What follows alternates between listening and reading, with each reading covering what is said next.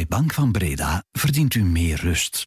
Meer gemoedsrust. Zodat u kan luisteren naar de zeven, terwijl wij focussen op al uw financiële vragen. Welkom bij de Zeven van de Tijd. Elke dag om 7 uur. Onze blik op de zaken in 7 punten. Dit is Bert Rijmen. Goedemorgen, het is maandag. Dan hebben we in de Zeven altijd een gast om vooruit te blikken op de week die komt. Deze keer is dat de hoofdredacteur van de Tijd, Peter de Grote. Goedemorgen, Peter. Dag Bert, goedemorgen. In ver verleden was hij hier bij de Tijd nog beleggen-redacteur. En dat komt goed uit, want de agenda van de belegger staat deze week goed vol. En er is natuurlijk nog meer. We verwachten een lawine aan bedrijfsresultaten van een paar kleppers, zoals Tesla, ASML en Netflix. En de Brusselse holding Sofina die komt met haar halfjaarlijkse nieuwsbrief. Donderdag is er een nieuw rentebesluit van de Europese Centrale Bank.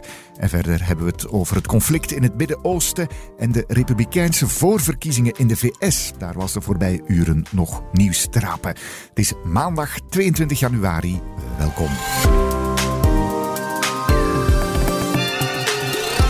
Zeven van de Tijd. 1. In Amerika, in New Hampshire, zijn het dinsdag de tweede republikeinse voorverkiezingen. De eerste in Iowa heeft ex-president Donald Trump vorige week met een historische voorsprong gewonnen. Hadden toen ruim de helft van de stemmen.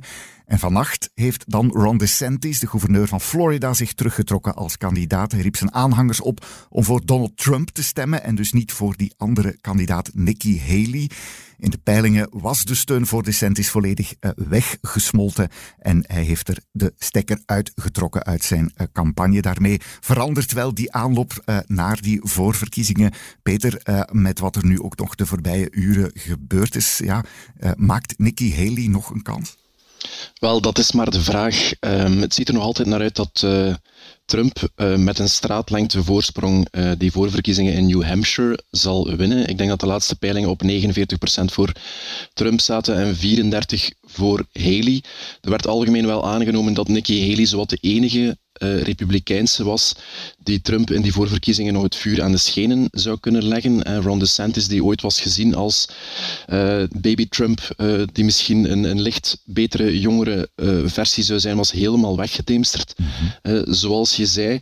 Um, ja, nu is die voorverkiezingen in New Hampshire zonder DeSantis. Er werd naar Haley gekeken als zou ze het beter gaan doen dan in Iowa. New Hampshire is een, is een minder conservatieve staat. er doen ook onafhankelijk uh, mee aan die stemming. Dus het zou iets beter kunnen uitdraaien uh, voor Haley dan in Iowa, wat toch een, een verpletterende overwinning voor Trump uh, was. Ja, de vraag is hoeveel, hoeveel pakt zij terug en, en wat betekent nu precies die endorsement van um, DeSantis voor Trump. Dus toch uitkijken naar die precieze percentages waar die voorverkiezing in New Hampshire dinsdag op strandt. 2. De grote Amerikaanse banken hebben vorige week het resultatenseizoen al op gang getrapt. Deze week schakelen we nog een versnelling hoger met een hele reeks nieuwe bedrijfsresultaten. Dinsdagavond publiceert bijvoorbeeld streamingdienst Netflix kwartaalcijfers. En een dag later volgen autobouwer Tesla en de Nederlandse chipmastodont ASML. Donderdag dan uitkijken naar hoe de luxe koning LVMH het heeft gedaan. Naar welke van die ja, toch pleiade aan de resultaten ben jij vooral eh, benieuwd, Peter? Wel, ik kijk toch wel het hardst uit naar uh, de resultaten van een aantal chipbedrijven of leveranciers aan die sector. Uh, in de eerste plaats ASML, uh, Nederlandse fabrikant van ja, de super high-tech toestellen waar ja, al onze chips, of een groot deel van onze chips, denk aan die in je smartphone, worden gefabriceerd. daarnaast ook ST Microelectronics, mm -hmm. dat is een producent van chips zelf en ook een, een concurrent op bepaalde markten van het Belgische Melexis. Ja, ik vermoed dat die cijfers gaan bevestigen dat die chipsector op volle toeren draait.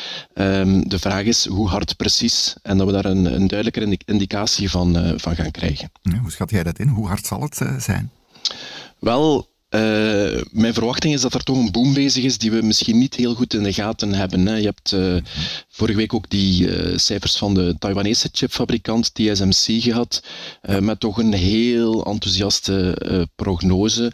Um, waaruit dat blijkt dat die, dat stukje van de economie toch veel beter draait dan verwacht. Interessant om te noteren is trouwens het cijferwerk van Bloomberg dat uitwijst dat een derde van de omzet van dat Nederlandse ASML, toch ook wel een populair aandeel in onze contract batterijen gelinkt is aan de prestaties van TSMC. Dus dat belooft ergens wel.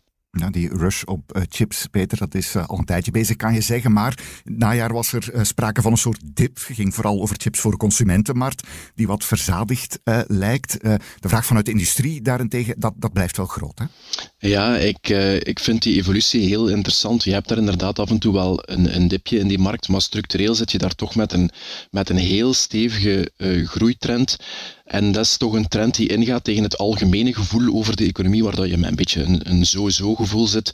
Maar onderliggend zie je denk ik, aan die resultaten van, van die bedrijven dat je met een enorme technologische evolutie, uh, dat er een enorme technologische evolutie gaande is en dat bedrijven enorm aan het investeren zijn om daarmee mee te zijn. Het heeft te maken met artificiële intelligentie, maar ook breder met automatisering, um, dataverwerking en technologie die al maar uh, meer sectoren uh, binnenkruipt. 3. Laten we dan eens naar de beurzen kijken. Hoe anticiperen ze daar op de bedrijfsresultaten? Vrijdagavond heeft die S&P 500, de belangrijkste aandelenkorf in New York, afgesloten op het hoogste pijl ooit. En dat is al twee jaar geleden, van januari 22, dat die S&P 500 nog eens zo'n record gebroken heeft. Wat is de motor, uh, Peter, achter die winst uh, bij die S&P 500? Wel, voor een stukje toch ook technologie. Mm -hmm. uh, langs de ene kant, die Amerikaanse economie blijft het heel goed doen, maar die S&P 500, ja, dat zijn toch multinationals met met, globale aanwezigheid. Tech weegt heel zwaar uh, in die index. En sluit eigenlijk een beetje aan bij het vorige punt. Hè. Beleggers hebben het al in de gaten. Misschien in tegenstelling tot het, tot, het grote publiek. Op de beurs is alles wat naar chips uh, ruikt gloeiend heet. Uh, denk aan Nvidia, denk aan AMD. Dat eerste aandeel vind ik ook heel interessant, was een van de beste presteerders vorig jaar. Um, werd toen gezegd van ja, pas toch op, opgelopen waarderingen dat aandeel gaat gewoon door uh, met zijn race uh, dit jaar. Ja. ja, dat is natuurlijk het enthousiasme van beleggers, maar er beweegt ook echt wel iets in die, in die sector, hè, uh, waar dat beleggers op inspelen. We hebben ook in de VS al 2 miljarden overnames in de chipsector gehad in januari. En dat enthousiasme dat zorgt mee voor, de, voor die boom. Ja, een boom die ja, er misschien wel voor gezorgd heeft dat op dit moment die aandelen ja, misschien minder interessant zijn voor beleggers. Ja, te duur eigenlijk. Wel, dat is zo'n beetje de eeuwige reflex hè, van ja, pas op met opgelopen waarderingen. Uh, en, en, de beurs heeft natuurlijk uh, de neiging om te overdrijven. Um, maar ik vind het even gevaarlijk om te voorzichtig te zijn. Ik zeg nu niet spring hals over kop op die aandelen. Uh, ik denk dat dat ook een stukje is van de beweging die we nu zien. Beleggers zijn echt wel op zoek naar aandelen in die sector die nog niet zo duur zijn, waardoor dat je een soort golf krijgt die, die de kleintjes of, of wat minder bekende aandelen mee omhoog stuurt. Maar ook voor wie niet zo avontuurlijk is en niet aan stockpicking wil doen, ja, er zijn wel kansen om mee te surfen. En ik denk daarom niet om te zeggen dat nu het gedroomde instapmoment is. Ik ga daarover geen advies geven. Maar ik vind het op een langere termijn even gevaarlijk, of misschien zelfs gevaarlijker, om technologie uh, links te laten liggen.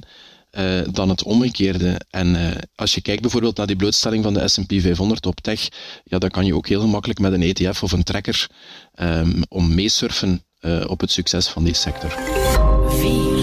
4. Welke Belgische bedrijven moeten we deze week in de gaten houden? Van de Wel 20 is dat WDP, de magazijnenverhuurder, de eerste die daar cijfers publiceert. Krijgen we vrijdagochtend. Vanavond al komt er dan ook nieuws van de Brusselse holding Sofina. Die stuurt haar halfjaarlijkse nieuwsbrief uit. Wordt altijd aandachtig gelezen. Ook iets waar jij naar uitkijkt, Peter? Ja, absoluut. Uh, Sofina is het investeringsbedrijf van de familie Boel.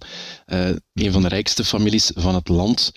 Uh, dan denk je, wat is daar zo interessant aan, los van het feit dat die op de beurs staan? Ja, die mensen hebben een geweldige neus voor alles wat met tech en innovatie te maken heeft vandaag. Waren vroeger geïnvesteerd in ja, klassiekers uit het bedrijfsleven, genre Colruyt, Danone, De Keuning, uh, bekende klassiekere namen, hebben die strategie overboord gegooid en hebben echt een shift gemaakt. Dus het is toch ook een beetje een duik in, in die technologiewereld en wat vandaag het neusje van de zalm is, volgens toch wat we kenners uh, mogen noemen. Dus die brief van de familie Boel is toch ook wel echt een, een ontdekkingstocht. Je krijgt daar een overzicht van hun tien belangrijkste posities, uh, wat nieuws over de belangrijkste verschuivingen in portefeuille. En ja, er zitten ook wel, uh, het is ook wel interessant om ergens mee te volgen hoe die investeringspolitiek van die familie schuift. Als ik zei, ooit belegd in, in een aantal klassiekers. Ja, vorig jaar uh, bleek daar plots um, dat ze de uh, belegger waren geworden in ByteDance. En dat is de moeder van uh, sociale media-app TikTok. ja, toch, toch een opmerkelijke belegging, eh, gezien de consternatie rond alles eh, wat met China eh, te maken heeft eh, tegenwoordig. Ja, die, die Sofina-brief, eh, dat is eigenlijk voor een hele hoop mensen belangrijk. Eh, maar wat betekent die dan voor ja, de beleggers zelf, de mensen die in Sofina zelf zitten? Wel een, een, goede, een goede vinger aan de pols van hoe evolueert die beleggingsstrategie. Mm -hmm. ja, en, en een belegger in Sofina zelf die is natuurlijk heel hard op zoek naar dat cijfer over die intrinsieke waarde van de portefeuille, wat dan klassiek wordt afgezet tegenover de beurskoers. En de beurskoers noteert vandaag een stuk lager uh, dan die intrinsieke waarde. En dan krijg je dat klassieke gedoe over uh, ja, die korting. Met hoeveel korting uh, noteert het aandeel mm -hmm. tegenover wat die portefeuille eigenlijk waard is. Daarvoor is het nog even wachten um, op definitieve resultaten voor het einde van het vierde kwartaal tot uh, eind maart. Um, dus ik zou zeggen, sowieso een interessant event, die brief. Maar als we echt de, de laatste stand van zaken over die Sofina-portefeuille uh, en de waarde ervan willen kennen, ja, nog een aantal maanden geduld. Vijf.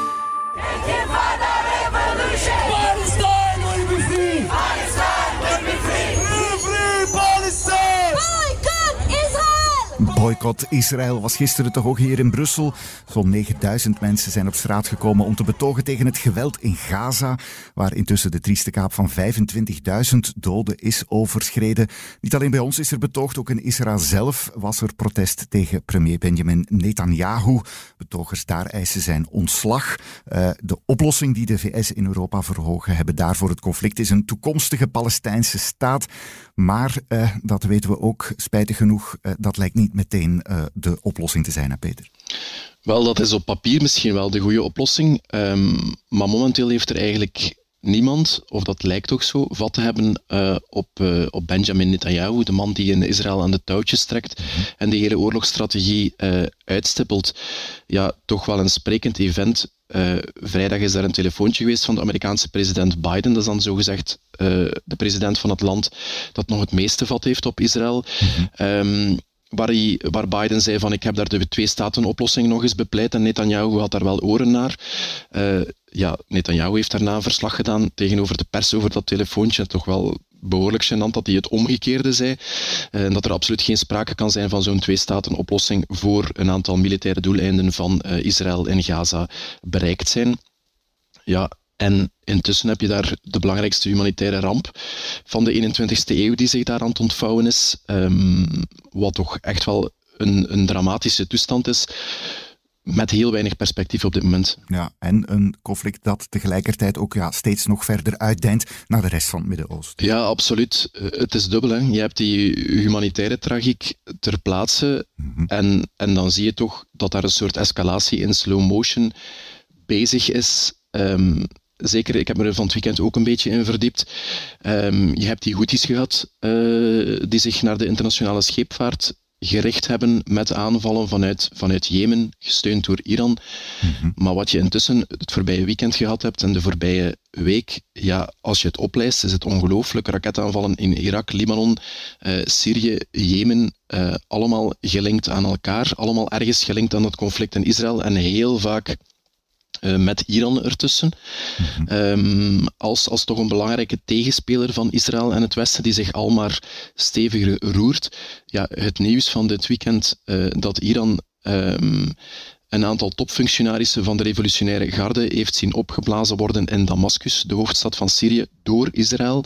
Ja, het is toch een behorend schrikbarende evolutie wie daar uh, allemaal tegenover elkaar komt te staan. En uh, ja, als je dan puur kijkt naar de VS, die dus nog altijd de belangrijkste scheidsrechter zijn, dan je zie je toch dat die al maar uh, scherper in dat conflict worden getrokken. Een beetje tegen wil en dank, denk ik. Ik denk niet dat uh, Biden op dit moment ook nog zin heeft in een, in een conflict in het Midden-Oosten, uh, waarin hij nog actievere rol mag gaan spelen. Maar naarmate het risico op zo'n rechtstreekse confrontatie toeneemt tussen bijvoorbeeld Iran en, en Israël en een aantal andere spelers, ja, dat risico wordt alleen maar groter. En dat is toch wel een, uh, een heel opmerkelijke en, en zorgwekkende evolutie. Zes. A happy new year to everyone. Here at the ECB, we are the custodians of the euro. Working for price stability and making sure that we keep the euro fit for the future. Streven naar prijsstabiliteit, dat is de taak van de Europese Centrale Bank. Dat herhaalde ECB-voorzitter Christine Lagarde nog eens in haar nieuwjaarsboodschap begin deze maand. Donderdag dan is er de eerste vergadering van de ECB over de rente dus dit jaar. Hoe kijk jij daarnaar, Peter? Wel, met toch wel redelijk wat interesse. Ehm, mhm. Los van het feit dat die algemene verwachting is dat de rente gewoon op 4% blijft. Ja, die rente blijft natuurlijk alles bepalend of dat je nu spaarder, investeerder, ondernemer bent. Ja, de evolutie doet ertoe en je hebt de evolutie van het cijfer van die 4%. Maar de rente is een gegeven dat eigenlijk vormgegeven wordt, een stukje door de ECB en dan een stukje door de markt, die zich vormt naar het beleid van de ECB en een aantal verwachtingen uh, van hele grote beleggers. Wat zijn die verwachtingen? Die de ECB nu ook volop uh, probeert te managen. Uh, je had daar vorige week Christine Lagarde die al zei van uh, ja, renteverlaging het zal voor komende zomer zijn. En beleggers waren heel enthousiast geworden op het einde van vorig jaar. Dat zag je ook aan die daling van de rente met een soort verwachting dat er in de lente al wat zou komen. Ja, toch een beetje expectations management. Zoals ik zei, proberen die verwachting iets vooruit te duwen, dat enthousiasme wat zich vertaalt in die lagere rente iets te temperen. En we gaan denk ik, donderdag meer van dat krijgen. En dus ergens wel een, een nieuwe indicatie over uh, ja, waar het heen gaat met die rente. En zoals ik zei, heel belangrijk. Hè, het is de kostprijs van geld. Um, en dat bepaalt nu eenmaal uh, heel veel voor heel veel mensen. 7. En tot slot kijken we nog eens naar de beursrally. De beleggenwedstrijd is dat van de tijd. Gaat er laatste week in. Daarna komen we te weten wie aan de haal gaat met die hoofdprijs van maar liefst 10.000 euro. Uh, die kunnen jij en ik, Peter, sowieso niet winnen. We hebben hier uh, met de mensen bij de, uh, van de tijd een aparte competitie. Maar toch in die algemene rangschikking, hoe sta je ervoor eigenlijk? Ik sta er niet zo goed voor, Bert. Uh, ik heb het het weekend even nagekeken. En dankzij een aantal lumineuze gokjes sta ik op positie uh, 17.937 van uh, bijna 25.000 deelnemers. dus ik denk dat de juiste conclusie is dat er geen goed stokpikker aan mij verloren gegaan is. Um, als je even uh, naar boven kijkt, dat er staan toch een, een, stuk begaafder mensen op dat vlak, denk ik. Uh, met aan de top ene Carolina, um, met een, een heel uitgebreide portefeuille.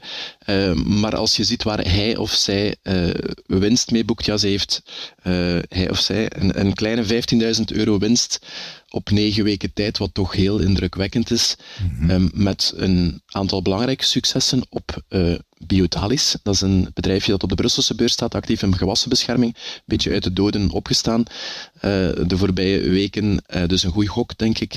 Um, en AMD, en dan zijn we weer bij het thema van het begin van deze podcast. dat, is een, dat is een chipbedrijf dat heel hard aan het meesurfen is op dat enthousiasme rond die, rond die techboom.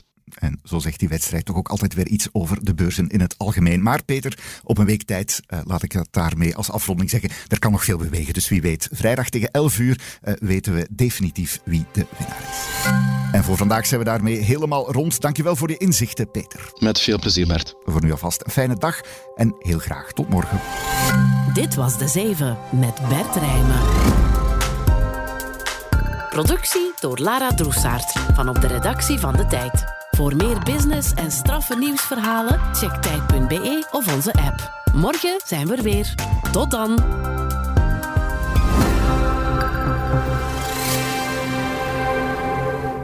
U verdient meer peren. U verdient meer anticiperen. U verdient meer anticiperen van uw financiële partner, zodat u ten alle tijde rustig kan blijven, ook als de beurs haar peren ziet. Ook u verdient meer Bank van Breda. Professioneel en privé. Bank van Breda. Enkel voor ondernemers en vrije beroepen.